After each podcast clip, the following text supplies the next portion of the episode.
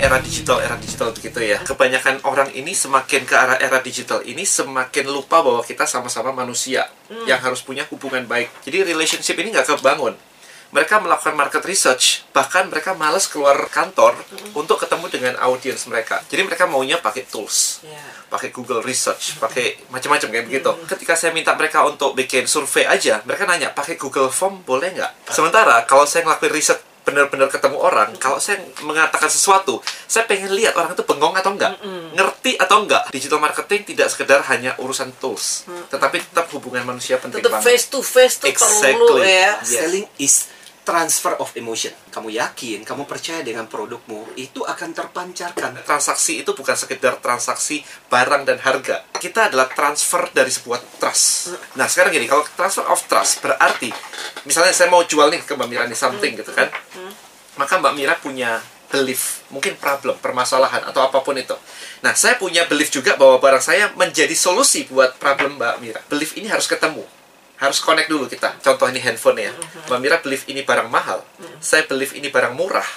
Maka nggak akan terjadi transaksi. Iya. Maka saya harus meyakinkan bahwa barang ini murah.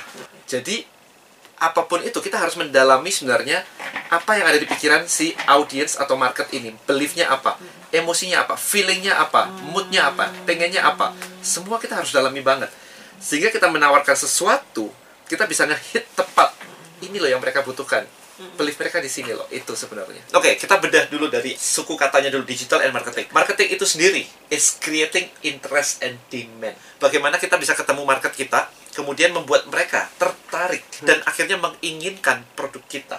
Kemudian digital artinya adalah kita menggunakan media-media digital yang ada saat ini. Terserah mau di WA, mau di Facebook, YouTube, Instagram, TikTok. Tapi banyak orang berpikir gini, Mas ini kalau kita sudah posting misalnya di YouTube, Ya. di Facebook, ya, Ya. Instagram lah paling sering lah, Ya, ya, atau ya. di LinkedIn atau Kok nggak beli gitu? Kok nggak beli?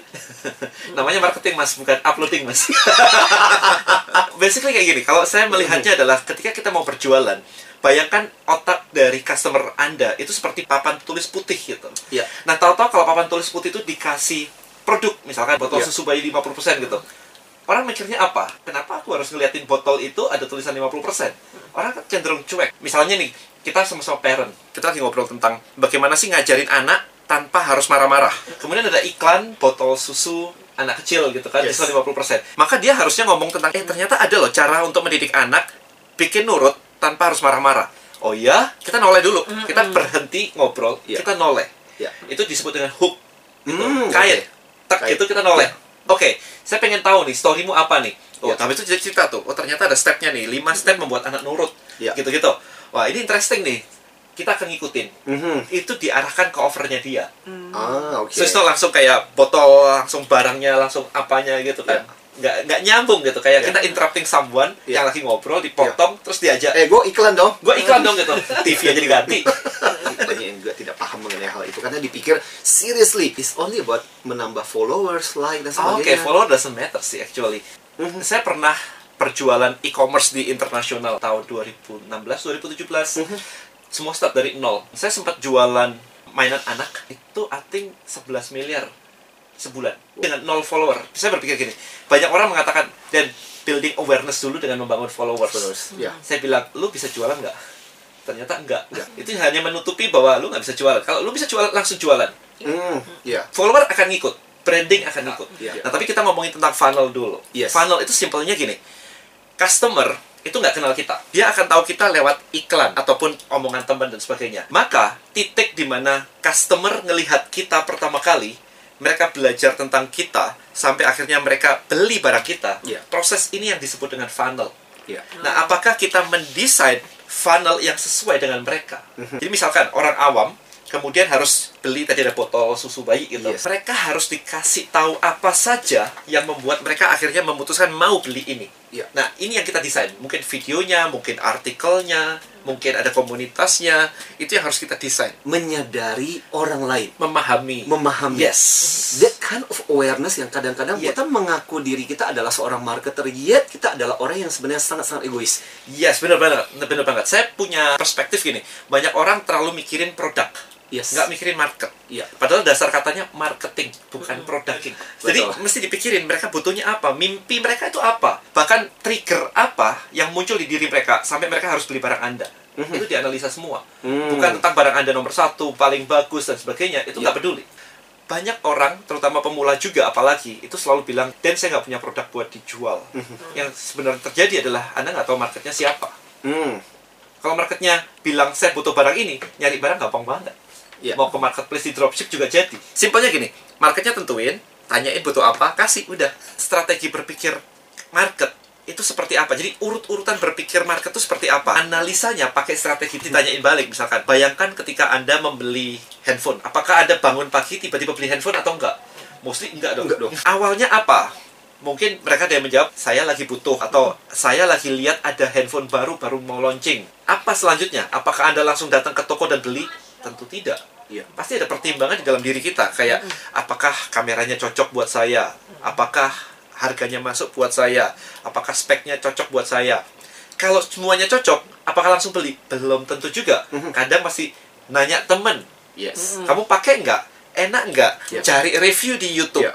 Nah, kayak gitu. Jadi kita memahami bahwa market kita itu punya urut-urutan berpikir seperti itu. Mhm. Ketika kita bisa tahu urutannya dengan tepat, Iya. maka ketika kita mendesain funnel yang Mhm. sesuai dengan urut-urutan yang tepat tadi, maka kebanyakan orang akan membeli. Yes. Digital itu rawannya ditirunya gampang Iya. juga. Tapi kalau kita mau profit lebih besar, berarti kita harus menciptakan sebuah penawaran yang berbeda Hmm. sehingga Ya. tidak gampang ditiru kompetitor lain. Nah kemarin saya di challenge bisa nggak jualan barang yang bukan punyamu sendiri, Mhm.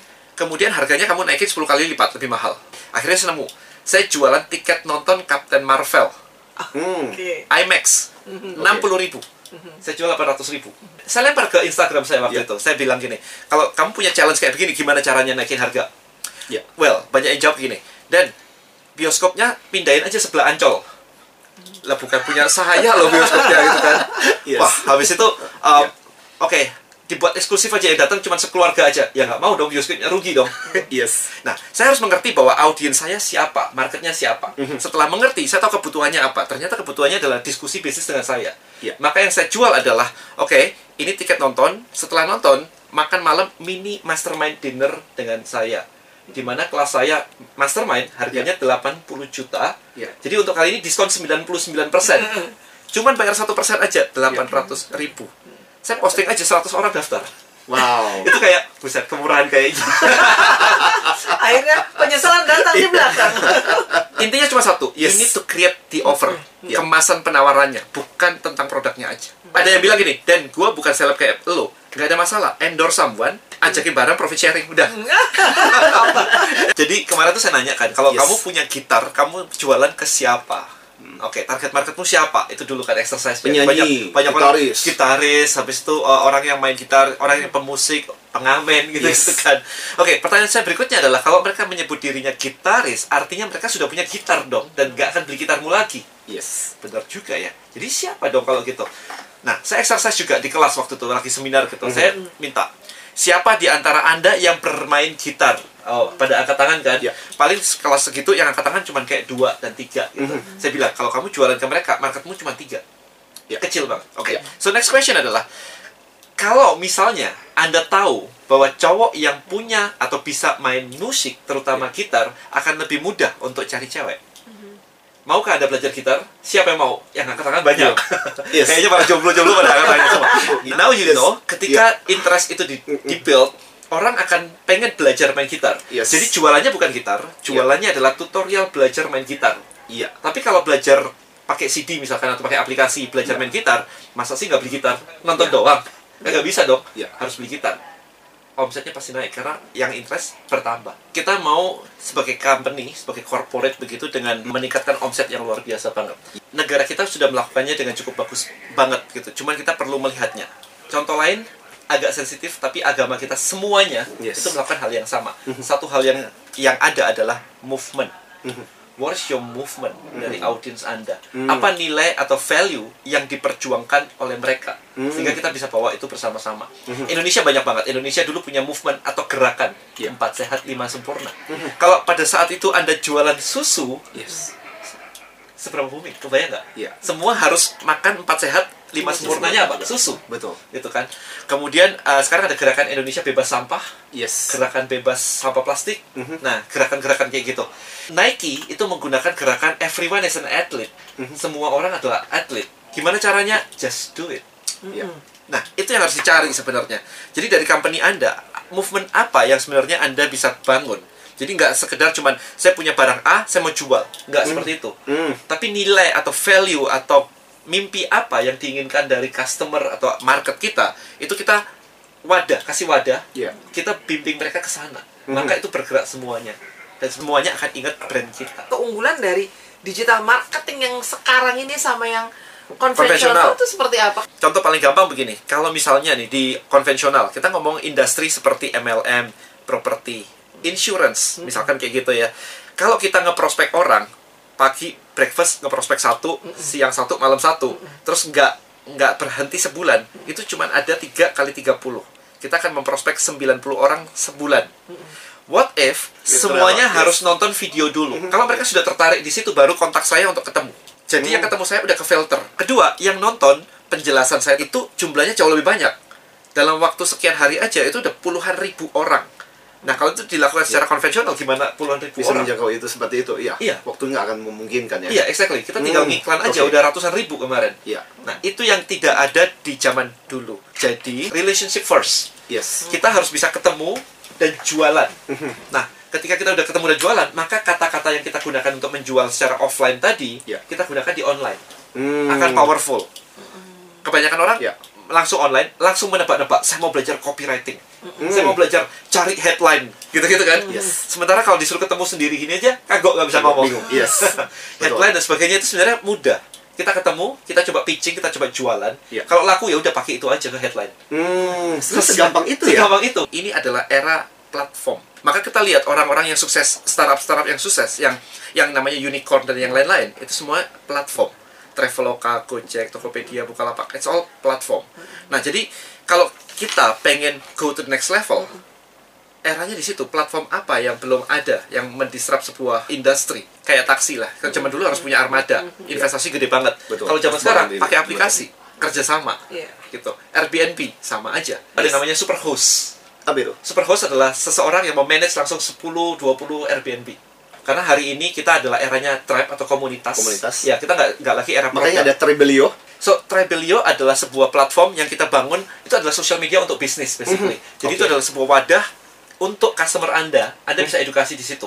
Hmm, Jadi kayak, oke. Yes, bayangin betul. kayak Facebook Group, Ya. cuman kalau Facebook Group Anda tidak memiliki database. Database-nya, Nah, betul. Di ini situ Anda memiliki database-nya, ya, sehingga betul. Anda bisa tahu analitiknya, siapa user paling aktif, siapa Ya. user yang suka invite temennya. Kita bisa mengirimkan email, broadcast ke mereka, itu bisa semua. Kalau Hmm. kita pakai WA, nggak bisa di broadcast. bisa, betul. Maksudnya broadcast secara marketing itu nggak Ya. boleh gitu. Ya. Uh, Telegram group juga nggak bisa, uh, kemudian Facebook group juga nggak bisa. Hmm. Kita nggak bisa ngiklan ke member kita. Ya. Nah, kalau pakai ini bisa, pakai Kayak semuanya bisa. ya. Follow Instagram saya @denisantoso sama youtube.com slash denisantoso. Yes. Di Instagram ada link di atas di bio saya yang tulisannya adalah 30 days challenge. Challenge. 30 hari Anda dibimbing dari nol untuk membangun sebuah komunitas dan movement. Yes. Oke. Itu ada ada ada frameworknya semua.